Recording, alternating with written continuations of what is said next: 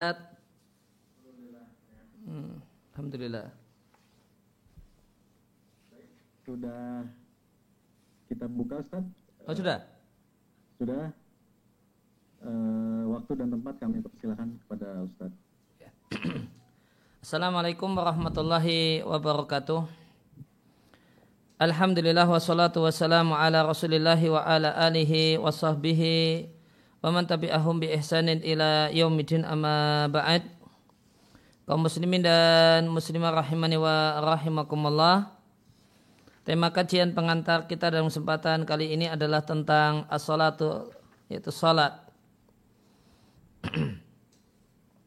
Salat adalah amal badan yang paling mulia yang Allah wajibkan kepada hamba-hambanya. Bahkan salat adalah pembeda antara keimanan dan kekafiran. Sebagaimana sabda Nabi Shallallahu Alaihi Wasallam, "Bainal kufri wal imani tarkus salati." Pembeda antara kekafiran dan keimanan adalah meninggalkan salat. dan kaum muslimin diperintahkan untuk mengajarkan sholat kepada anak-anaknya. Sebagaimana sabda Nabi Shallallahu Alaihi Wasallam, alimu auladakum salata idza balaghu sab'a.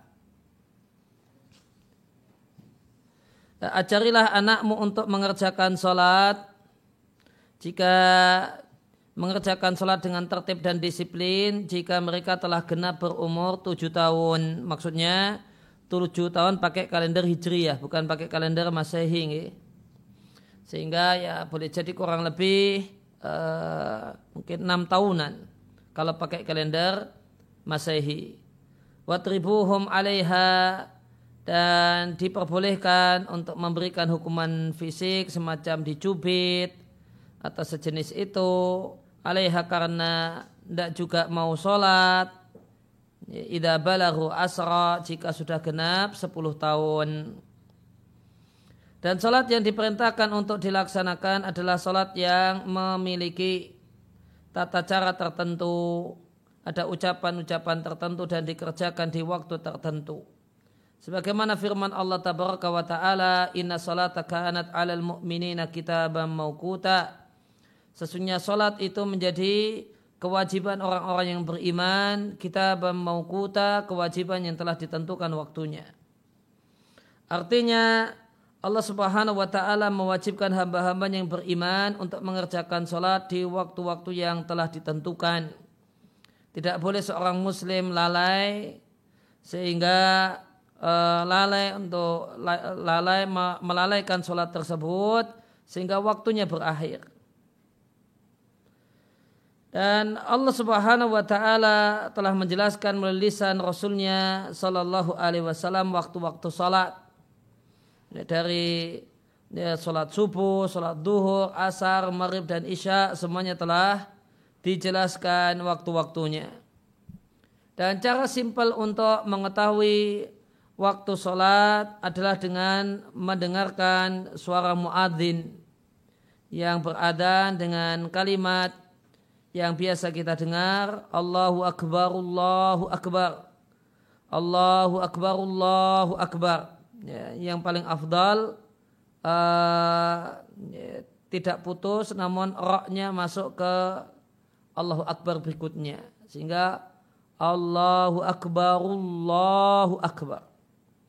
Dan asyhadu an ilaha illallah asyhadu an ilaha illallah asyhadu anna muhammadar rasulullah asyhadu anna muhammadar rasulullah. Hayya ala salah. Hayya ala salah. Hayya ala al-falah. Hayya ala al-falah. Allahu akbar, Allahu akbar. La ilaha illallah. Maka jika kita mendengar suara adzan ini di masjid-masjid kaum muslimin, maka ini bermakna waktu salat telah tiba. Dan adzan didefinisikan dengan pemberitahuan tibanya waktu sholat fardu. Dan dianjurkan bagi orang yang mendengar suara adzan, namun adzannya adalah adzan yang langsung. Ya, bukan adzan rekaman ya dianjurkan untuk mengikutinya, mendengarkannya kemudian menirukannya. Sedangkan tentang tata cara sholat dan gerakan yang dilakukan oleh orang yang sholat dalam sholatnya, maka kita seorang kita seorang muslim diperintahkan untuk mengambil tata cara sholat itu sesuai dengan tuntunan Nabi Shallallahu Alaihi Wasallam. Sebagaimana sabda Nabi Shallallahu Alaihi Wasallam dalam hadis yang diatkan oleh Al Bukhari, "Sallu kama usalli." Salatlah kalian sebagaimana kalian melihat aku mengerjakan salat. Maka patokan dalam masalah tata cara ini pelaksanaan ibadah salat adalah bagaimanakah yang Nabi tuntunkan. Bagaimanakah yang Nabi ajarkan. Karena masalah salat telah selesai, telah tuntas ya, diajarkan oleh Nabi Shallallahu Alaihi Wasallam. Maka jika ada orang yang uh, menuntunkan ini dan itu, maka kewajiban untuk kita cek atau jika tidak mampu ngecek sendiri ya bertanya kepada yang yang memiliki kemampuan untuk mengecek ya. Apakah demikian apa yang Nabi tuntun dan ataukah tidak? Maka menjadi kewajiban seorang muslim yang taat kepada Allah Subhanahu wa taala berupaya agar solatnya mencocoki solat Rasulullah Sallallahu alaihi wasallam dengan betul-betul mencocokinya secara lahiriahnya dan batinnya. Lahiriahnya dengan gerakannya sebagaimana gerakan sholat yang Nabi ajarkan. Sisi batinnya adalah dengan berusaha untuk khusyuk dan menghadirkan dan menghayati apa yang diucapkan dan apa yang dilakukan ketika mengerjakan sholat. Kenapa demikian? Supaya Allah subhanahu wa ta'ala ridho kepada kita. Supaya Allah subhanahu wa ta'ala memberikan pahala yang baik untuk apa yang kita lakukan dan mendapat sehingga kita mendapatkan pahala yang besar dari Allah Subhanahu wa taala. Dan Allah Subhanahu wa taala pun telah menjelaskan dalam banyak Al-Qur'an dalam banyak ayat dalam Al-Qur'an tentang keutamaan salat dan keutamaan menjadi orang yang rutin mengerjakan salat, tidak bolong-bolong ketika mengerjakan salat. Dan Allah pun telah jelaskan dosa orang yang meninggalkan salat atau meremehkan salat. Sebagaimana firman Allah Subhanahu wa taala di antaranya adalah wa aqimi salata inna salata tanha 'anil fahsya'i wal munkar. Tegakkanlah salat, sesungguhnya salat itu mencegah dari perbuatan keji dan kemungkaran. Maka salat yang berkualitas itu akan menyebabkan orangnya berkualitas karena orangnya meninggalkan berbagai macam perbuatan keji dan mungkar. Di surat Al-Mu'min Allah katakan, Qad aflahal mu'minun. Sungguh beruntunglah orang-orang yang beriman. Maka syarat untuk menjadi orang yang beruntung adalah beriman. Karena orang yang kafir ya, adalah bukanlah orang yang beruntung. Meskipun dunianya demikian jayanya, meskipun dunianya itu demikian hebatnya, wajib seorang muslim meyakini mereka tidak beruntung. Alladzina hum fi salatihim khashi'un dan orang yang beruntung adalah orang yang khusyuk dalam mengerjakan salat. Dan tidak ada khusyuk dalam salat kecuali setelah didahului dengan mengerjakan salat terlebih dahulu. Dan satu hal yang patut untuk kita sadari bahasanya ya kita memiliki kewajiban untuk tidak hanya mengerjakan salat namun menegakkan salat. Dan menegakkan itu lebih dari sekedar mengerjakan. Karena menegakkan di antara maknanya adalah e, kita tunaikan hukum-hukumnya, syarat, waktu dan adab-adabnya. Maka kita perlu mengetahui ada lima syarat untuk sahnya sholat. Yang pertama ya, berwudu atau suci dari hadas kecil dan hadas besar. Ya, maka orang yang ingin mengerjakan sholat wajib berwudu jika dalam keadaan berhadas, yaitu hadas kecil. Dan jika dalam keadaan hadas besar, maka wajib mandi. Dan jika mandi junub itu adalah mandi uh, ya dan jika seorang itu mandi junub meskipun ya, ketika mandi junub itu tidak berwudu, maka setelah mandi junub bisa langsung sholat. Karena mandi junub itu menghilangkan hadas besar. Dan ketika hadas besar itu hilang, maka otomatis hadas kecil juga ikut hilang. Asalkan ketika Eh, ketika mandi tersebut tidak melakukan hal-hal yang membatalkan wudhu semacam menyentuh kemaluan. Kemudian yang kedua syarat sah sholat adalah bersihnya badan, pakaian dan tempat sholat dari najis. Maka orang yang sholat wajib memastikan bersihnya badannya dan tidak ada pada badannya najis apa pun. Demikian juga pakaiannya dan tempat eh, tempat yang digunakan untuk mengerjakan sholat. Kemudian yang ketiga menghadap ke arah kiblat dan kiblat kita uh, kiblat kita adalah arah Ka'bah, arah Masjidil Haram. Kemudian yang keempat telah tiba waktunya. Maka tidak sah salat yang dikerjakan sebelum waktunya tiba. Sebagaimana tidak sah salat yang dikerjakan setelah waktunya berakhir. Dan orang yang mengerjakan salat setelah waktunya berakhir, yaitu salat duhur setelah waktu duhur berakhir, sholat asar setelah adzan maghrib terdengar, sholat maghrib setelah waktu isya tiba. Namun tetap sholat, orang semacam ini di Al-Quran disebut dengan sebutan orang yang lalai dari sholat. Yang itu Allah firmankan di surat Al-Ma'un, fawailul lil musallin, celakalah orang-orang yang sholat. Yaitu alladzina hum ang sholatihim sahun. Yaitu orang yang lalai dari sholat lalai dari sholat artinya adalah yang menunda-nunda sholat dan baru mengerjakannya setelah waktunya berakhir. Dan yang paling sering mungkin uh, yang sering terjadi adalah ketika sholat subuh. Ya, sholat subuh dikerjakan setelah waktunya berakhir. Ya, maka ini satu hal yang berbahaya kecuali jika hal tersebut memang betul-betul karena ketiduran. Maka yang dimaksud dengan orang yang lalai dari sholatnya adalah yang mengakhirkan sholat dari waktunya ya, tanpa udur. Tapi kalau mengakhirkan sholat dari waktunya ya, dengan maksud untuk jamak takhir karena ada udur dan alasan semisal safar atau bepergian maka tentu berbeda.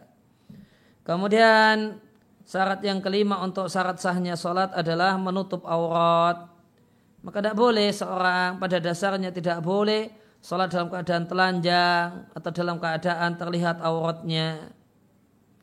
Nah syarat-syarat ini jika ditinggalkan secara sengaja ya, membatalkan sholat, menyebabkan sholat tidak sah. Namun jika tidak sengaja maka perlu dirinci. Ya, kalau wudhu, ya, maka secara tidak sengaja sholatnya sholat dikerjakan padahal belum wudhu maka sholat wajib diulangi. Kemudian kalau untuk bersihnya badan, pakaian dan tempat dari najis, maka menurut pendapat yang paling kuat jika ini dilakukan karena lupa, tidak sadar kalau ada najis, maka dimaafkan, sholat sah, nggak perlu diulang. Kalau menghadap kiblat maka dirinci. Jika karena teledor nggak mau tanya, dan baru tahu kalau salah menghadap kiblat setelah selesai sholat kemudian baru tanya maka sholat wajib diulangi. Dan jika berada di satu tempat yang tidak ada di sana tempat untuk bertanya ke mana ke arah kiblat kemudian salah arah ya, maka dimaafkan tidak perlu diulangi. Demikian juga sholat sebelum tiba waktunya ya, karena salah lihat jam maka sholat dur sebelum waktunya ya sholatnya wajib diulangi. Ketika dur tiba wajib diulangi. Namun sholat yang dikerjakan sebelum waktunya itu tetap ada nilainya. Nilainya nilai sholat sunnah. Itu. Kemudian jika lima syarat ini telah terpenuhi, artinya seorang muslim siap untuk mengerjakan sholat. Maka uh, ada kewajiban untuk mengerjakan sholat dengan tata cara yang benar, yang di antara gambarannya adalah sebagai berikut. Yang pertama adalah menghadirkan niat di dalam hati. Ya, dan menurut pendapat yang paling tepat, ya, tidak perlu niat tersebut dilafalkan. Cukup dibatin di dalam hati, ini mau mengerjakan sholat fardu ataukah sholat sunnah, kemudian sholat fardunya fardu apa, gitu. Dan itu semua diikrarkan dan ditetapkan, ditegaskan di dalam hati. Kemudian dianjurkan untuk mengangkat kedua tangan sampai telinga sambil mengucapkan takbir Allahu Akbar. Maka angkat tangan itu berbeda dengan takbir. Takbir itu ucapan Allahu Akbarnya. Dan ini wajib karena takbiratul ihram adalah rukun dalam sholat. Tapi angkat tangannya hukumnya dianjurkan. Dan perlu diperhatikan uh, sholat tidak boleh dikerjakan dengan dibatin. Sholat dengan dibatin ya, itu tidak sah dengan sepakat para ulama. Ya, tidak sah dengan sepakat para ulama. Jadi bahkan misalnya takbiratul ihramnya dibatin, baca al-fatihahnya dibatin, itu sholat yang tidak sah. Maka sholat harus dilafalkan. Idealnya dengan uh, suara yang ya, agak uh, sedikit keras sehingga bisa terdengar ke telinga sendiri ketika tidak ada suara gaduh di ya, di dekat kita. Namun jika ada suara gaduh ya, ya, ya maka tidak mengapa jika tidak terdengar ke telinga sendiri. Dan minimalnya ya, dilafalkan dalam bentuk ada gerak bibir, gerak lisan untuk mengucapkan takbiratul ihram, untuk membaca surat al-fatihah dan yang lainnya. Ya, kemudian meletakkan tangan kanan di atas tangan kiri dan itu diletakkan di dada dan disebut dada manakala ya kurang lebih sudah termasuk dada manakala di atas pusar. Kemudian uh, sholat dimulai dengan membaca doa istiftah. Doa iftitah atau istiftah itu banyak ragamnya, ada yang panjang, ada yang pendek. Termasuk yang paling pendek dan ini yang paling disukai oleh Imam Ahmad adalah subhanaka Allahumma wa bihamdika wa tabaraka semuka wa ta'ala jadduka wa la ilaha ghairuka. Namun baca yang lainnya juga tidak mengapa. Kemudian setelah itu membaca ta'awud, a'udzu billahi rajim dan membaca suratul Fatihah. Dan amin itu bukan bagian dari Al-Fatihah. Dan membaca amin itu hukumnya dianjurkan tidak wajib. Maka setelah Al-Fatihah dianjurkan mengucapkan amin, setelah itu dianjurkan untuk membaca ya, ayat-ayat yang lainnya semisal surat-surat pendek. Dan baca surat ini hukumnya juga dianjurkan, tidak wajib. Jika telah selesai, angkat kedua tangan sampai ke telinga, ya sambil mengucapkan Allahu Akbar untuk rukuk. Dan pada saat rukuk, dua telapak tangan diletakkan pada dua lutut sambil mengucapkan Subhana Rabbiyal Azim yang bisa yang minimalnya dibaca sekali dan dianjurkan untuk dibaca sampai tiga kali. Setelah itu mengangkat tangan untuk iktidal sehingga tegak berdiri sambil mengucapkan ketika gerak naik sami Allah liman hamidah. Ketika telah tegak berdiri Rabbana walakal hamdu. Kemudian setelah itu membaca takbir eh, ketika sambil gerak menuju sujud. Boleh meletakkan tangan terlebih dahulu baru lutut. Boleh juga uh, ya, sebagaimana perbuatan Ibnu Umar ya, boleh juga lutut dulu baru tangan sebagaimana perbuatan ayahnya Ibnu Umar yaitu Amirul Mukminin Umar bin Khattab radhiallahu taala anhu. Kemudian jika sudah sampai tempat sujud maka dahi di ya, ya, ditempelkan ya, dahi diletakkan di tempat sujud dan tidak hanya sekedar nempel formalitas. Non betul-betul diletakkan di tempat sujud. Demikian juga plus hidung, jangan takut pesek, ya, insya Allah tidak pesek. Ya, atau pesek juga tidak apa-apa. Ya, kata orang uh, kucing Persia itu makin pesek malah kemudian makin cantik gitu. Kemudian uh, kemudian dua telapak tangan, demikian juga kalau bisa seluruh jari-jari kaki menghadap ke arah kiblat. Dan pada saat sujud mengucapkan subhana rabbiyal a'la minimal sekali dianjurkan bisa sampai tiga kali. Dan mengangkat kepala dari sujud pertama sambil membaca takbir Allahu Akbar dan dua tangan diletakkan di paha dan lutut sambil mengucapkan Rabbir firli warhamni wahdini wa'afini warzuqni maka jika telah selesai dari sujud yang pertama, kemudian melakukan sujud yang kedua dengan tata cara sama persis dengan sujud yang pertama. Kemudian jika telah selesai dari sujud yang kedua, mengangkat kepala, kemudian duduk sebentar. Dengan menduduki telapak kaki kiri. Kemudian dalam keadaan telapak kaki kanan jari-jarinya ditegakkan. Yang ini disebut dengan sebutan duduk istirahat.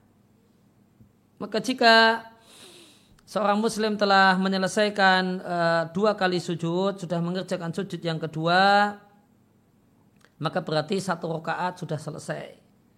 dengan tiga rukun utamanya yaitu posisi berdiri, ruko, ya, berdiri sebelum ruko, berdiri setelah ruko, ya, kemudian ruko, kemudian sujud. Kemudian di rokaat kedua mengulang apa yang dilakukan di rokaat pertama kecuali tentu doa istiftah tidak perlu lagi dibaca ya. untuk ta'awudnya bisa dibaca lagi kemudian jika telah selesai dua rokaat dan sholatnya itu adalah sholat dua rokaat ya. semisal sholat Jumat atau sholat subuh ya, maka kemudian ngambil posisi ya, posisi duduk setelah selesai dua rakaat ini mau tasahud akhir di sholat dua rakaat ngambil posisi duduk ya, tangan kiri pada uh, lutut kiri kemudian untuk kaki uh, untuk kemudian tangan kanan semua jari-jarinya menggenggam kemudian uh, kemudian jari telunjuk diisyaratkan boleh juga plus di, uh, digerak-gerakkan sambil membaca bacaan tasyahud at-tahiyatulillah. Bacaan tasyahud banyak variannya yang semua yang berasal dari Nabi boleh dibaca. Salah satunya adalah redaksi sebagai berikut. Namun ini tidak membatasi. At-tahiyatulillah ya wassalatu wat tayyibat.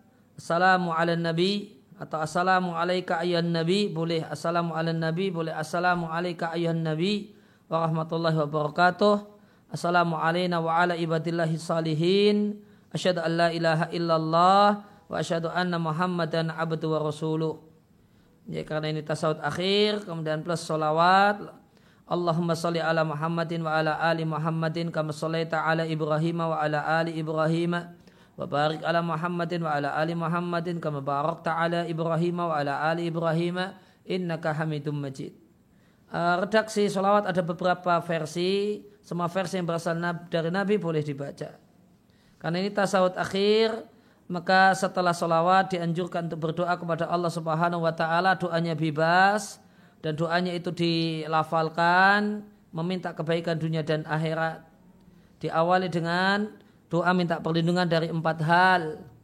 Ya, dengan mengucapkan Allahumma ini a'udzubika min adabi jahannam wa min adabil kubri wa min fitnatil mahya wal mamat wa min syari fitnatil masihid dajjal atau kemudian bisa ditambah dengan uh, doa-doa yang lain terutama ketika sholatnya sholat sendiri atau sholat uh, sunnah adapun kalau jadi imam maka lihat-lihat jika ya, makmumnya tidak mengapa agak panjang duduknya ya tidak apa-apa misalnya kemudian jadi imam di sebuah masjid pondok pesantren tidak akan ada yang mengeluh uh, uh, santrinya untuk diajak duduk lama, ya, maka tidak mengapa. Namun kalau di masjid umum, di masjid masyarakat, maka jangan lama-lama. Kemudian menoleh uh, menoleh ke arah kanan sambil mengucapkan assalamualaikum warahmatullah. Kemudian ke arah kiri dengan mengucapkan sama assalamualaikum warahmatullah. Ya, dengan ini jika sholat itu cuma dua rakaat telah selesai. Ya, namun jika sholatnya tiga rakaat atau empat rakaat, maka setelah membaca tasyahud ya, tanpa sholawat atau kemudian plus sholawat juga tidak mengapa, kemudian masih lanjut berdiri ya, sambil bertakbir mengangkat kedua tangan, kemudian uh, melakukan rakaat berikutnya. Ya, dengan kurang lebih gerakannya sama, namun kalau berdiri di rakaat ketiga dan yang keempat ya, tidak perlu membaca surat, cukup al-fatihah saja. Jika telah selesai rakaat ketiga atau keempat, kemudian duduk, ya, kemudian duduk tasyahud, ya, kemudian dengan bacaan sebagaimana bacaan yang uh, tadi telah diuraikan sebelumnya, kemudian diakhiri dengan ucapan salam. Ke kanan dan ke kiri. Kemudian di antara adab sholat, ya, di antara adab dalam sholat adalah orang yang sholat itu mengarahkan pandangannya ke tempat sujud dan tidak menengadah ke arah atas, lihat genteng atau uh, ya, ya, atau bagian atas. Ya. Maka idealnya menghadap ke uh, menghadap ke tempat sujud. Dan ini menunjukkan bahasanya tidak dianjurkan sholat sambil memejamkan mata. Salat sambil memejamkan mata hukumnya makruh. Ya, kecuali jika uh, dikhawatirkan ketika sholatnya itu tidak memejamkan mata karena di depan itu ada hal-hal yang menarik nanti tidak fokus dengan sholat malah malah lihat apa yang di depan maka boleh sambil memejamkan mata karena alasan semacam ini. Kemudian jangan banyak gerak ketika sholat. Kemudian di antara adabnya adalah untuk laki-laki disarankan atau bahkan diwajibkan, ya, terutama jika kondisi normal tidak corona, ya, e, untuk sholat berjamaah di masjid. Karena sholat berjamaah di masjid itu lebih utama daripada sholat sendirian dengan perbandingan 27 kali lipat. Kemudian di antara hal yang dianjurkan adalah merutinkan membaca zikir, ya, wirid setelah selesai sholat fardu. Ya, dengan membaca istighfar tiga kali, astaghfirullah, astaghfirullah, astaghfirullah. Kemudian ditambah Allahumma antas salam, wa minkas salam, tabaruk ya dal jalali wal ikram. Kemudian bacaan-bacaan zikir yang lainnya yang Nabi ajarkan semacam subhanallah 33, alhamdulillah 33, Allah akbar 33, kemudian ditutup dengan yang ke-100 dengan membaca tahlil la ilaha illallah. Kemudian di antara adab ketika seorang itu jadi makmum, maka jangan melakukan gerakan sholat kecuali setelah imam melakukan gerakan sholat. Jangan bareng dan apalagi mendahului imam. Kemudian terkadang ada kasus lupa, lupa rokaat, ya, misalnya, ini, atau bimbang, ini sudah tiga atau keempat. Ya. Maka dalam hal ini ya, kiat sederhananya adalah anggap saja angka yang paling kecil. Kemudian lengkapi. Maka ragu-ragu tiga atau keempat anggap saja tiga. Kemudian lakukan rokat yang keempat Kemudian setelah selesai doa di tasawuf akhir ya, bisa sujud dua kali sujud sebelum salam. Yang ini disebut dengan sujud sahwi. Dan sujud sahwi itu pasti paketnya dua kali sujud. Tidak ada sujud sahwi cuma satu kali. Ya, sujud sahwi itu ya dua kali. Demikian juga di antara hal yang patut untuk diperhatikan adalah dianjurkan untuk me, dianjurkan untuk merutinkan ya, merutinkan sholat rawatib. Sholat rawatib yang muakat ada 10 atau ada 12 yaitu dua rakaat sebelum subuh, kemudian dua kemudian empat rakaat sebelum duhur dan dua rakaat setelah duhur, kemudian dua rakaat setelah maghrib, kemudian dua rakaat setelah isya. Dan seandainya langsung mau di plus witir juga boleh. Jadi empat sholat isya empat rakaat, kemudian dua rakaat ba'diyah uh, ba'diyah isya, kemudian langsung dilanjut dengan witir tiga rakaat. Nanti kalau dilanjut dengan witir tiga rakaat, maka nanti jika di akhir malam bisa bangun, bisa tetap tahajud, namun tidak witir lagi. Dan jika lelap tidurnya sehingga bangun subuh, maka sudah mengerjakan sholat uh, sudah mengerjakan qiyamul lail atau salat malam. ya, uh, maka itu dan inilah sejumlah global ya penjelasan global tentang seputar salat yang wajib bagi seorang muslim untuk merutinkannya dan antusias untuk mengerjakannya dan mengajak orang lain, tetangga, kerabat, anak, istri untuk mengerjakannya. Dan jika seorang itu rutin mengerjakan sholat wajib bahkan plus rawatibnya yang 12 atau yang 10 rakaat maka orang ini secara general telah kita katakan sudah menjadi seorang muslim yang baik dan seorang muslim yang dan dan insya Allah taala Allah akan subhanahu wa taala akan memberikan ganjaran surga untuknya dan menyelamatkannya dari neraka Allah Subhanahu wa taala. Demikian ya, kurang lebih yang bisa kami sampaikan dalam kesempatan malam hari ini. Ya, kemudian kita lanjut dengan sesi yang kedua, sesi tanya jawab, da, eh, sesi ya tanya jawab dan tidak uh, tidak harus pertanyaan tidak harus uh, sesuai dengan tema yang kita bahas. Demikian wasallallahu ala nabiyina Muhammadin wa ala alihi wasallam. Saya kembalikan ke moderator. Baik, Barakallahu Fik Ustaz. Jazakallah khair atas uh, ilmunya. Sangat bermanfaat sekali, sekali karena sholat yang paling utama yang sehari-hari kita uh, kerjakan. Baik, untuk pertanyaan, Tafadol, untuk Ikhwan bisa uh, raise hand langsung atau Akhwat bisa melalui kolom chat. Untuk yang pertama, ini ada pertanyaan dari Rozana Umu Rukayah dari Malaysia. Malaysia. Iya. Bismillahirrahmanirrahim. Jamaah tetap kita itu. Ya, Ustaz. Betul. Uh, rajin. Setiap kajian, pekerja mengaji selalu hadir. Masya Allah. Masya Allah. Barakallah fiha. Jika sengaja tidak mengucapkan Sami Allahu liman hamidah dan Robana lakal hamdu, apakah sholatnya sah Ustaz? Jazakumullah khairan. Ya, jika uh, sengaja, jika uh, maka ke, jika dengan sengaja tidak mengucapkan bacaan tasmi' sami Allah liman hamidah, maka sholatnya diperselisihkan ulama keabsahannya. Dalam kalau menurut tinjauan ya, madhabul hambali sholatnya tidak sah.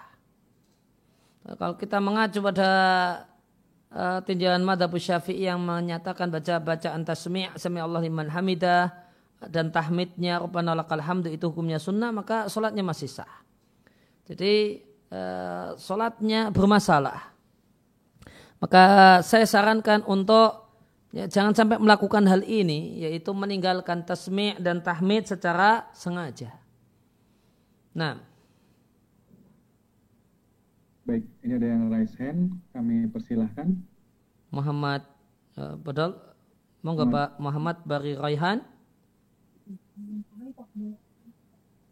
Ya Ustaz, uh, Ustaz, hmm, boleh enggak uh, dengan siapa? Ustaz, Apa? Boleh enggak kalau anak 10 tahun jadi makmum ibunya Ustaz? Gimana anak 10 tahun gimana Bu? jadi jadi imamnya ibunya. Oh, uh, anak kemudian yang penting sudah tamyiz. Tamyiz itu sudah genap tujuh tahun pakai kalender hijriah. Maka bisa jadi imam bagi ibunya. Dan ada di masa Nabi ada seorang sahabat yang umurnya baru uh, sudah usia tamyiz dan sudah jadi imam tetap di masjid kampungnya. Nah. Masya Allah. Uh, pertanyaan selanjutnya dari Afdillah Azma Dewi. Bismillahirrahmanirrahim. Assalamualaikum warahmatullahi wabarakatuh. Waalaikumsalam warahmatullahi wabarakatuh. Assalamualaikum alaikum ya Ustaz. Ya wa ilaikum. Ustaz bagaimana Ustaz bagaimana hukumnya saat takbiratul ihram tidak mengangkat tangan? Afan Ustaz, tadi duduk sebentar itu disebutnya duduk apa ya Ustaz? Ada dua pertanyaan uh, takbiratul ihram tanpa mengangkat tangan hukumnya boleh karena uh, yang wajib adalah bacaan Allahu Akbarnya sedangkan angkat tangannya hukumnya dianjurkan. Kemudian duduk sebentar dari rokaat pertama menuju rokaat kedua disebut dengan sebutan duduk istirahat. Nah. Uh, nah, selanjutnya ini masih ada pertanyaan juga. Lanjutannya, Ustadz, manakah pendapat yang lebih kuat ketika berdoa waktu sujud? Apakah pakai doa yang dalam bahasa Arab yang diajarkan atau boleh pakai bahasa ibu? Idealnya dengan menggunakan bahasa Arab, ya, namun seandainya uh, menggunakan bahasa Indonesia atau bahasa daerah, insya Allah Ta'ala hukumnya boleh, namun itu makruh. Nah. Dan apa yang kita baca ketika sujud sahwi? Ketika sujud sahwi yang kita baca adalah bacaan sujud dalam sholat. Subhana rabbiyal a'la. Nah. Uh, untuk doa ketika sujud, mana yang lebih uh, utama?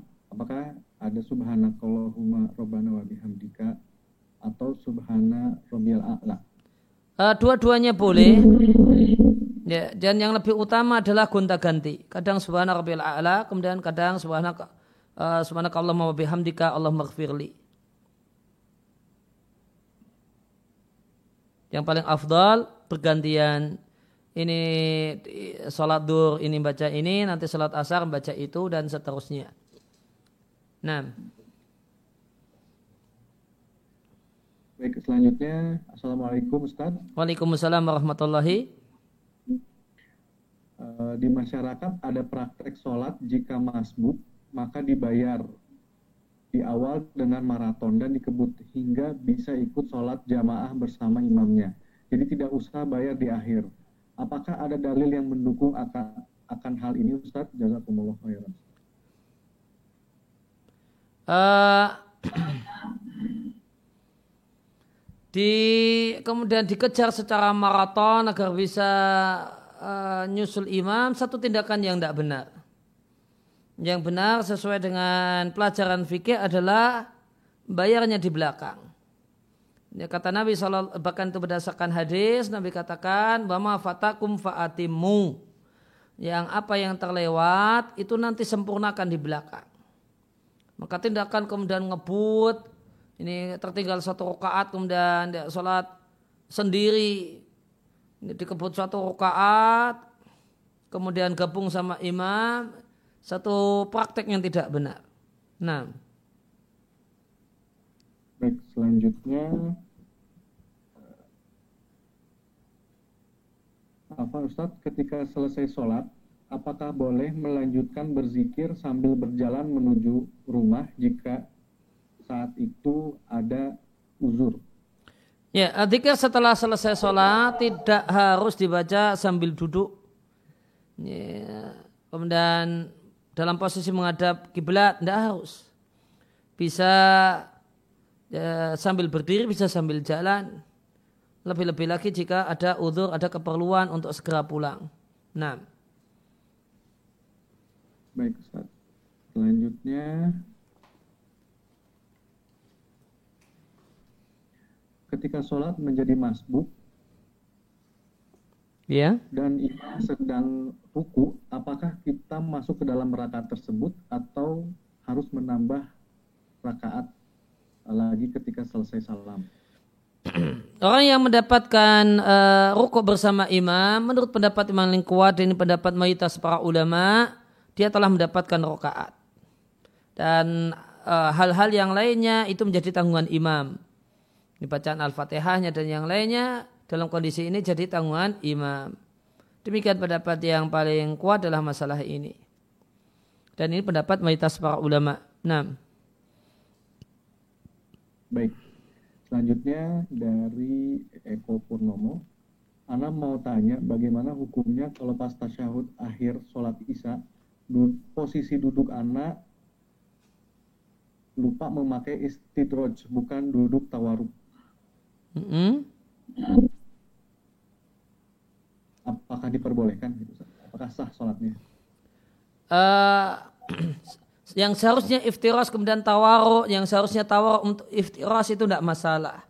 Karena model duduk iftiras atau kata tawaruk itu afdoliyah. Tidak mempengaruhi keabsahan salat. Ya, maka yang afdal ya tasawuf awal itu iftiras, kemudian tasawuf akhir itu tawaruk. Namun eh, seandainya terbalik, tidak masalah, tidak mempengaruhi keabsahan salat. Dan perlu diketahui bahasanya dalam kondisi tertentu ketika kita uh, uh, dalam tasawuf akhir itu malah tidak dianjurkan tawaruk ketika tawaruk itu mempersempit dan menyusahkan uh, orang yang ada di samping kita. Jadi misalnya orang ini cukup gemuk, maka kalau dia tawaruk itu space-nya ya, menghabiskan banyak ruang, kalau dia memaksakan diri tawaruk maka kegencetlah atau tergencetlah, e, terpepetlah orang yang ada di kiri dan kanan. Maka dalam kondisi ini yang tepat bagi beliau adalah iftirash. Karena tawaruk dalam posisi yang semestinya tawaruk hukumnya dianjurkan, adapun menyakiti seorang muslim, apalagi di masjid, hukumnya haram. Maka tinggalkan hal yang sunnah, supaya kita tidak terjumus dalam hal yang haram. Nah. Apakah sah sholat kita ketika berjamaah jika soft depan kita belum penuh dengan sempurna? Jawabannya sah, e, tidak e, kepenuhnya soft di depan tidak mempengaruhi keabsahan sholat jamaah kita. E, terutama e, namun dengan syarat e, kita tidak sendirian di belakang soft. Nanti kalau berdiri di, di belakang soft terdapat perselisihan ulama dalam masalah ini. Nah, berhubungan pertanyaannya dengan yang tadi dijelaskan, ketika kita sendirian di dalam soft, apakah kita haruskah kita menepuk uh, jamaah di depan kita untuk menemani kita atau kita biarkan saja untuk sholat sendirian? Ya ketika kita sendirian di belakang soft, maka apakah narik orang yang di depan ataukah kita mencukupkan diri dengan sendirian? Pendapat yang terbaik dalam masalah ini adalah kita mencukupkan diri dengan sendirian. Dan tidak menarik orang yang ada di depan karena sop yang lebih depan tentu lebih afdol daripada yang belakang. Ketika kita narik maka kita menurunkan derajat dan keutamaan yang telah dia dapatkan.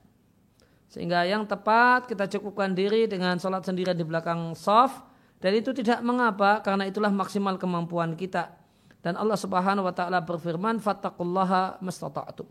Bertakwalah kalian kepada Allah semaksimal kemampuan kalian. Nah, Baik selanjutnya apakah membaca bismillah ketika kita sedang menjadi imam boleh tidak dijaharkan?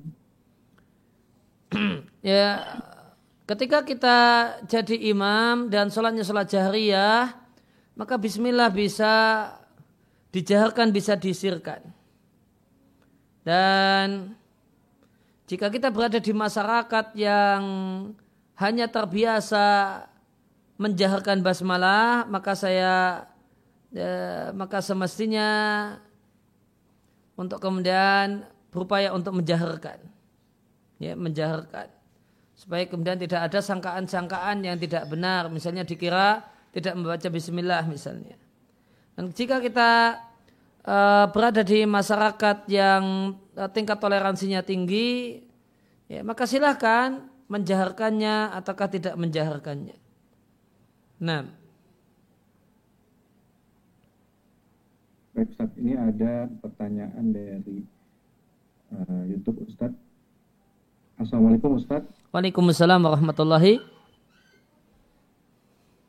Apakah wanita harus mengkodo sholat zuhur jika dia bersuci dari haid saat waktu ashar? Ketika suci haid itu di waktu asar, maka menurut pendapat yang paling kuat, ini pendapat mayoritas para ulama, ini pendapat uh, Ibnu Abbas dan yang lainnya, yang wajib dia lakukan adalah sholat duhur dan asar. Dan ketika seorang wanita itu suci haidnya di waktu isya, maka yang wajib dia kerjakan adalah sholat maghrib dan isya. Nah. Selanjutnya, bagaimana hukum menambahkan lafaz sayyidina saat sholawat dalam tahiyat. Menambahkan bacaan sayyidina ketika baca sholawat dalam sholat, ya, jika ya, sebatas itulah ilmu yang dimiliki karena itulah yang dia dapatkan dari guru ngajinya dan belum dapat penjelasan yang dan pencerahan yang lainnya, maka tidak mengapa, tidak salah tidak berdosa, dia bahkan orang tersebut telah melaksanakan kewajibannya. Kewajibannya adalah mengamalkan ilmu. Dan ilmu yang didapatkan dari guru ngajinya selama ini demikian. Namun uh, jika seorang itu telah bertambah wawasan ya, dan kemudian uh, mendapatkan penjelasan yang mengatakan lebih baik tidak dan tanpa Sayyidina karena Nabi mengajarkan kepada para sahabat tanpa Sayyidina kemudian seorang itu merasa uh, puas dengan uh, dengan pendapat ini, ya maka silahkan disesuaikan dengan ilmu baru yang telah uh, ilmu baru yang dimiliki tanpa perlu banyak me, tanpa perlu harus bersemangat untuk menyalah-nyalahkan orang yang berbeda. Nah. Baik, saat selanjutnya pertanyaan dari Oki Prasetya. Assalamualaikum Ustadz. Waalaikumsalam warahmatullahi. Di saat waktu terdesak karena kesiangan bangunnya, maka waktu untuk tahajud sebentar lagi. Dan saya melakukan sholat tahajud dua rakaat walau azan subuh berkumandang, karena saya tahu di masjid tersebut azannya selalu mendahului jadwal waktu sholat dari Depag. Padahal jam saya menggunakan waktu yang tepat, waktu Indonesia Barat, jam dunia waktu Jakarta. Pertanyaannya yang pertama, bolehkah saya melakukan tahajud dua rakaat tersebut? Yang kedua, lebih utama mana melakukan tahajud atau witir di saat terdesak tersebut? Jazakallah khair. Ya kalau memang yakin bahasanya adanya itu sebelum waktunya, maka boleh masih mengerjakan sholat malam, baik witir tiga rakaat atau sekedar sholat dua rakaat, atau bahkan witir satu rakaat juga tidak mengapa. Nah,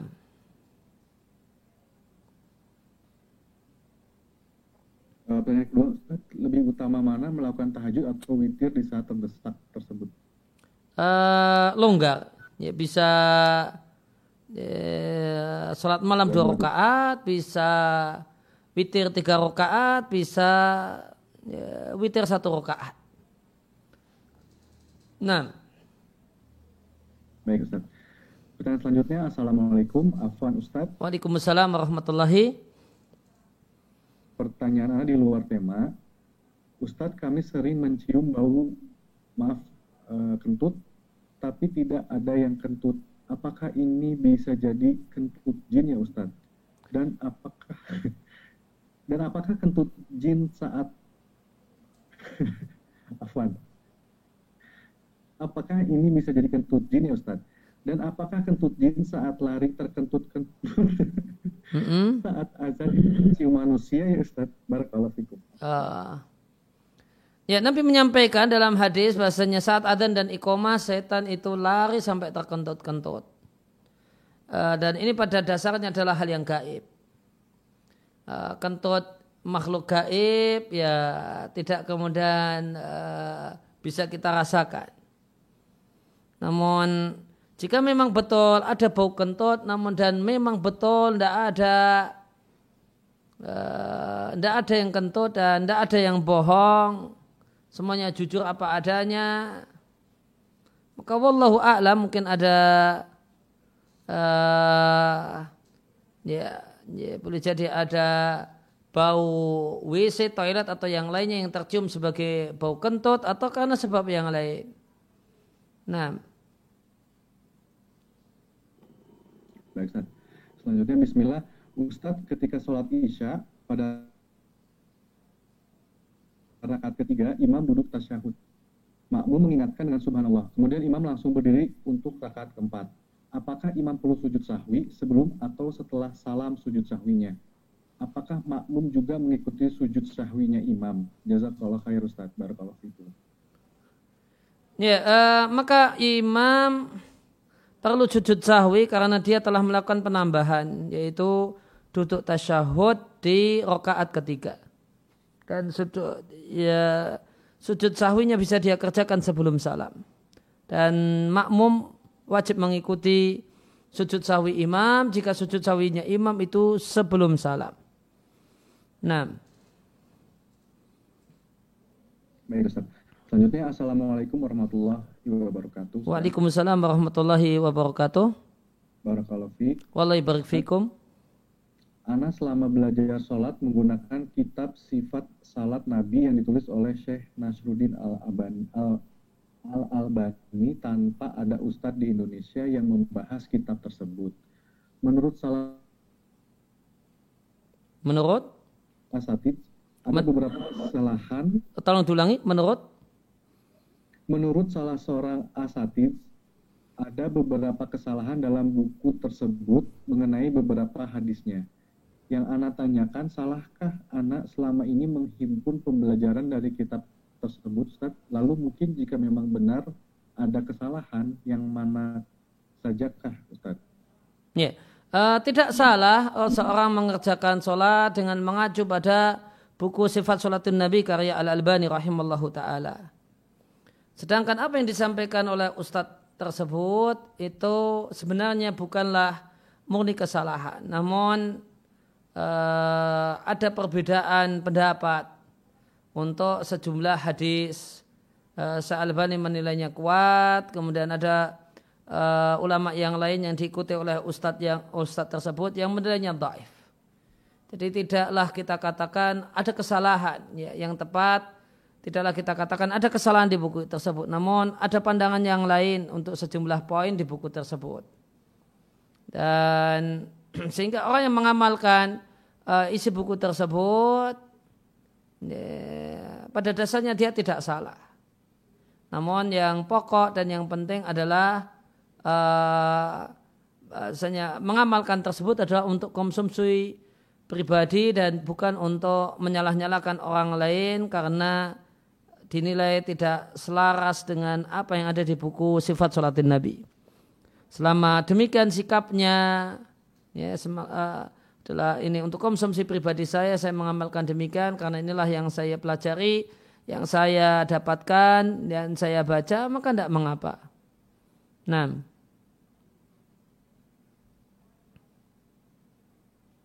Baik Ustaz. Uh, ini masih hampir sama pertanyaan seperti yang tadi Ustaz. Apakah hmm? boleh dalam satu rokaat tadi kan uh, berbeda-beda ketika uh, berbeda sholat. Kalau ini dalam satu rakaat, satu sholat membaca doa ruku atau sujud yang berbeda. Misal di sujud pertama membaca subhanakallahumma wa bihamdika, sedangkan di sujud kedua membaca subhana rabbiyal a'la. Jawabannya boleh. Tidak harus kemudian uh, dalam satu sholat itu harus paket sama subhana rabbiyal a'la di, di rakaat satu, rakaat kedua, rakaat ketiga, rakaat keempat tidak harus demikian. Uh, boleh saja uh, di rokaat pertama demikian, di rokaat kedua demikian. Bahkan dalam satu rokaat karena ada dua sujud, maka nanti di di sujud pertama subhana a'la, di sujud yang kedua subhanaka Allahumma wa bihamdika Allahumma firli tidak mengapa. Nah. Afwan Ustadz izin bertanya sekali lagi tapi tidak berhubungan dengan tema. Ustadz saat ini banyak ditemukan di media sosial perbincangan soal seseorang yang berbicara tentang memesan tempat di neraka. Dan orang yang berbicara tersebut adalah public figure yang banyak diketahui orang banyak. Apakah itu termasuk gibah Ustadz? Jazakallah khairan wa barakallahu fikum. Uh, saya tidak mengikuti berita tentang hal ini, namun jika ada orang yang Eh, mengatakan saya pesan tempat di neraka maka ini bentuk mengejek. Ini kalimat mengejek adab Allah Subhanahu wa taala dan ini adalah ucapan yang membatalkan keimanan. Ya, orang yang murtad dan tidak ada ribah uh, untuk orang yang murtad dan orang yang kafir. Uh, selama itu tidak menimbulkan uh, dampak buruk secara duniawi boleh saja dan tidaklah salah orang yang menghibah dan menggunjing orang yang murtad atau orang yang kafir. Nah. Baik, selanjutnya Assalamualaikum Ustaz. Waalaikumsalam warahmatullahi. Bolehkah zikir setelah sholat fardu dibaca setelah sholat rawatib ba'diyah karena khawatir tidak terjaga wudhu? Jawabannya tidak boleh Uh, dikir-dikir setelah selesai sholat fardu itu letaknya setelah selesai sholat fardu. Bukan setelah selesai sholat sunnah. Nah, adapun khawatir uh, kentut, maka ya, nanti setelah dikir sholat fardu, kemudian kentut, ya, wudhu, kemudian wudhu tersebut dipakai untuk sholat sunnah. Nah. Selanjutnya, Bismillah Afwan Ustaz, Ana mau tanya, kalau kita sudah berwudu, tapi setelah itu makan, apakah wudhu kita batal, dan apakah boleh kita langsung sholat tanpa berkumur terlebih dahulu? Ya, uh, makan itu tidak membatalkan wudhu kecuali makan daging onta. Adapun makan uh, gudeg, makan nasi, uh, kerupuk atau yang lainnya tidak membatalkan wudhu. Sehingga bisa saja langsung sholat tanpa perlu kumur-kumur kecuali jika dikhawatirkan ada selas, uh, ada apa sisa-sisa makanan yang nanti dikhawatirkan mengganggu kenyamanan. Maka uh, maka boleh kemudian uh, kumur-kumur terlebih dahulu supaya tidak ada kebingungan dan tidak ada permasalahan ketika mengerjakan sholat. Nah, Baik, selanjutnya apabila saat mengerjakan sholat, pikirannya sempat teralihkan pada pekerjaan, lalu kembali khusyuk lagi, apakah sholatnya sah? Ya, khusyuk dalam pengertian memikir uh, hadirnya hati bersama sholat, ya, hukumnya dianjurkan dan tidak wajib. Sehingga seandainya orang itu tidak khusyuk, kemudian pikirannya jalan-jalan ke mana-mana, ke pasar, ke mall, ke pantai dan yang lainnya. Sebagaimana pendapat mayoritas para ulama, sholatnya sah. Hanya saja kualitas dan pahala sholatnya itu berbanding lurus dengan uh, besaran khusuk dalam sholat tersebut. Nah.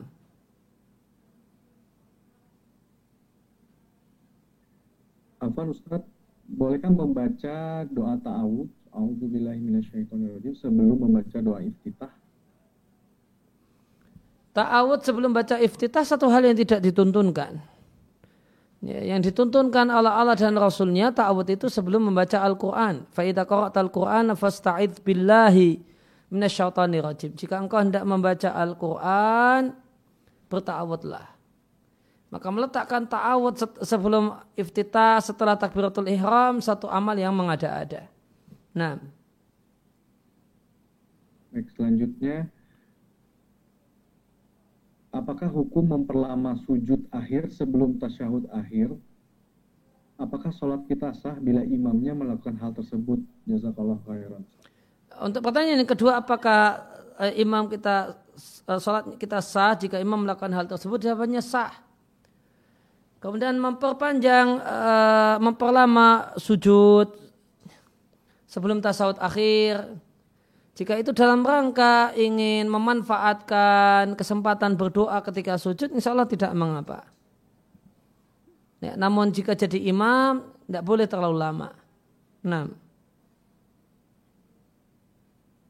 Baik, selanjutnya mohon nasihat dari Ustadz bagaimana agar sholat kita bisa khusyuk dan tidak memikirkan memikirkan pekerjaan atau hal lainnya. Di antara kiat pentingnya sebagaimana kata Nabi, Sali salat al-muwadi'in. Salatlah seperti salatnya orang yang merasa kalau ini salat yang terakhir. Sehingga salatnya adalah salat perpisahan. Maka orang yang masuk mengerjakan salat dalam keadaan menyadari, boleh jadi ini adalah salat terakhir saya sebelum saya menghadap Allah Subhanahu wa taala. Maka insya Allah selama salat dia tidak akan atau minimal nggak akan terlalu jalan-jalan ke mana-mana. Namun dia akan pikirkan sholatnya. Nah.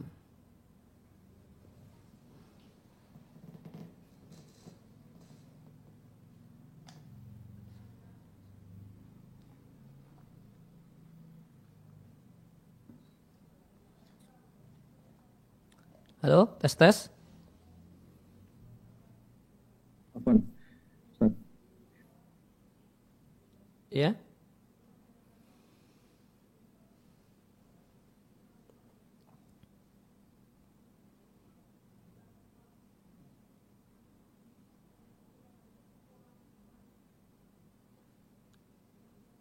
Halo? Halo, Ustaz? Ya, uh, putus Pak suara jenengan Pak, enggak ini? Putus, uh, apa? Uh, apakah ada sholat witir dua rakaat tambah satu, yaitu tiga rakaat dengan dua salam? Ya, uh, sholat witir tiga rakaat boleh dikerjakan dengan dua model. Ya. Dua kemudian satu pernah Nabi lakukan sebagaimana yang dikatakan oleh sahabat Ibnu Umar radhiallahu anhuma uh, kemudian tiga sekaligus juga boleh. Nah. Afal Ustadz izin bertanya lagi, akhir-akhir ini Ana sering banget buang air kecil yang waktunya beberapa menit sekali. Bahkan kadang malah selang waktu hanya beberapa detik. Dan hanya beberapa tetes saja tidak seperti buang air kecil yang biasanya. Dengan kondisi seperti ini, anak kesulitan untuk sholat karena sering buang-buang air kecil terus. Apakah maka apa yang harus Anda lakukan dengan kondisi tersebut Ustaz? Ya, uh, maka itu statusnya satu kelainan satu penyakit yang disebut dengan salisul baul, terus menerus kencing. Maka tata cara sholatnya adalah uh, hanya boleh berwudu setelah waktu tiba. Jadi ketika waktu uh, misalnya mau sholat maghrib, wudhunya tidak boleh sebelum adhan. Ya, nunggu adhan. Setelah adhan yang dilakukan adalah uh, ya memasang sesuatu yang bisa menghalangi air tersebut. Ya, jadi kalau mungkin semacam pampers atau ada kain yang ditambahkan ya, di situ, kemudian setelah itu berwudu, kemudian wudu tersebut bisa digunakan untuk mengerjakan sholat fardu ditambah sholat-sholat sunnah. Ya, sholat fardu ditambah ditambah sholat-sholat sunnah. Namun nanti ketika waktu isya tiba, padahal sejak maghrib tadi belum kentut, ya, belum berak, maka ketika isya tiba dia wajib wudhu lagi. Ya, kencingnya itu tidak membatalkan wudhunya. Namun wudhu batal dengan sebab-sebab yang lainnya. Nah ketika tidak ada sebab-sebab yang lainnya sekalipun, ketika waktu isya tiba dia wajib wudhu lagi. Wajib melakukan hal sebagaimana sebagaimana di atas. Yaitu setelah waktu isya tiba pergi ke kamar mandi, pakai uh, kemudian memasang sesuatu uh, untuk menghalangi tersebarnya najis tersebut di celananya, mungkin kasih kain atau pempes atau yang lainnya. Setelah itu berwudu, kemudian itu dipakai untuk sholat isya dan sholat-sholat sunnah yang membersamainya. Nah, demikian uh, demikian tata cara sholatnya. Selanjutnya pertanyaan uh, bagaimana jika seorang wanita sudah bertahun-tahun tidak melakukan sholat zuhur padahal sudah suci di waktu asar karena ketidaktahuannya? Lanjutan dari pertanyaan tadi.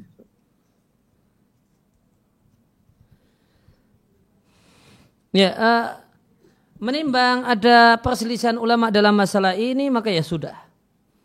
Namun yang eh, besok-besok uh, lagi ketika suci di waktu duhur maka yang wajib dikerjakan suci di waktu asar yang wajib dikerjakan adalah duhur dan asar. Suci di waktu isya yang wajib dikerjakan adalah maghrib dan isya sebagaimana penjelasan dari sahabat Ibnu Abbas dan yang lainnya dan ini pendapat mayoritas para ulama. Nah, Baik, selanjutnya eh, apakah ada doa setelah takbiratul ihram sebelum doa iftitah? Jawabannya tidak ada. Setelah takbiratul ihram, kegiatan selanjutnya adalah membaca doa iftitah atau istiftah. Nah. Baik, selanjutnya Bismillah, setelah berwudu, mana yang lebih utama Ustaz? Dikeringkan atau dibiarkan saja? Tidak ada yang lebih utama, dua-duanya boleh. Nah. Baik Ustaz. Assalamualaikum Ustaz. Waalaikumsalam warahmatullahi. Ketika berwudu, pada saat membasuh kedua tangan, apakah boleh kita berdoa untuk menghilangkan dosa-dosa atas perbuatan kita? Ketika membasuh wajah, berdoa untuk menghapus dosa atas penglihatan yang salah. Ketika menghapus membasuh kaki, berdoa atas langkah kaki kita yang salah. Mohon penjelasannya, Ustaz. Ya, jawabannya tidak perlu dilakukan. Nabi Shallallahu Alaihi Wasallam tidak mengajarkannya dan hal tersebut uh, adalah satu hal yang sudah otomatis.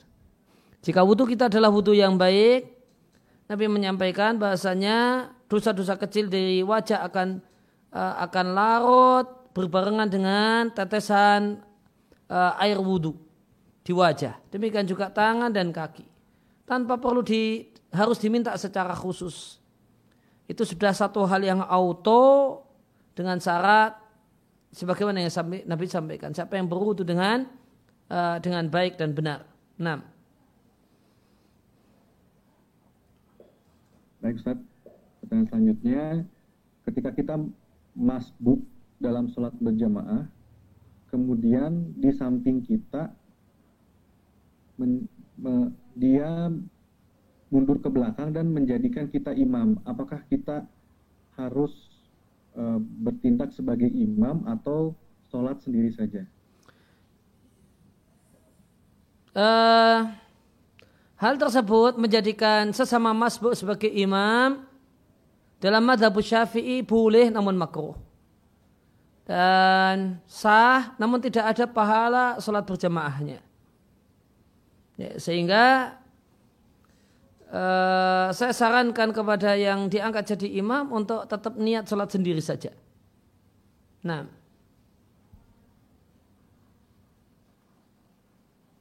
Baik, selanjutnya Assalamualaikum Ustaz. Waalaikumsalam warahmatullahi.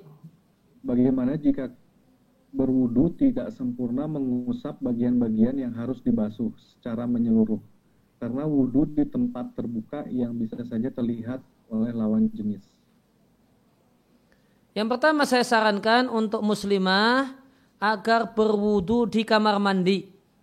Ketika tidak ada tempat yang aman, berwudulah di kamar mandi. Tidak mengapa.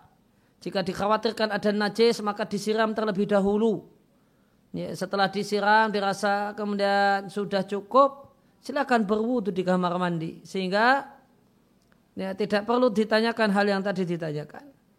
Dan yang kedua, seandainya seorang itu berwudu namun ya, tidak menunaikan hal yang harus ditunaikan, maka wudunya tidak sah. Misalnya membasuh wajah, ternyata tidak semua bagian wajah terbasuh. Wudunya tidak sah. Nah, oleh karena itu ya, sahkan wudhu dengan berwudhu yang baik ya, di, di kamar mandi. Dan seandainya dan mau wudhu di luar kamar mandi di tempat yang terbuka, namun mumpung sepi atau memanfaatkan sepi, namun khawatir pakai deg-degan, pakai berdebar, jangan-jangan ada lelaki yang lewat, maka wudhulah yang minimalis Ya, cukup sekali-sekali. Nggak perlu harus sampai tiga kali sehingga memakan waktu yang lebih banyak dan ini memperlama berdebarnya dan kekhawatirannya. Ya, maka basuh muka yang sempurna sekali, basuh tangan kanan sekali, tangan kiri sekali, dan seterusnya. 6.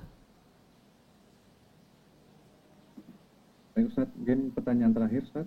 Ya. Yeah sudah pukul 20.59. Uh, eh, apakah sah atau perlukah kita ulangi uh, oh, apakah ketika sholat berjamaah bersama keluarga di rumah apakah wajib me, wajib koma terlebih dahulu uh, ikomah uh, sebelum sholat berjamaah di rumah hukumnya dianjurkan tidak wajib ada pertanyaan yang lainnya?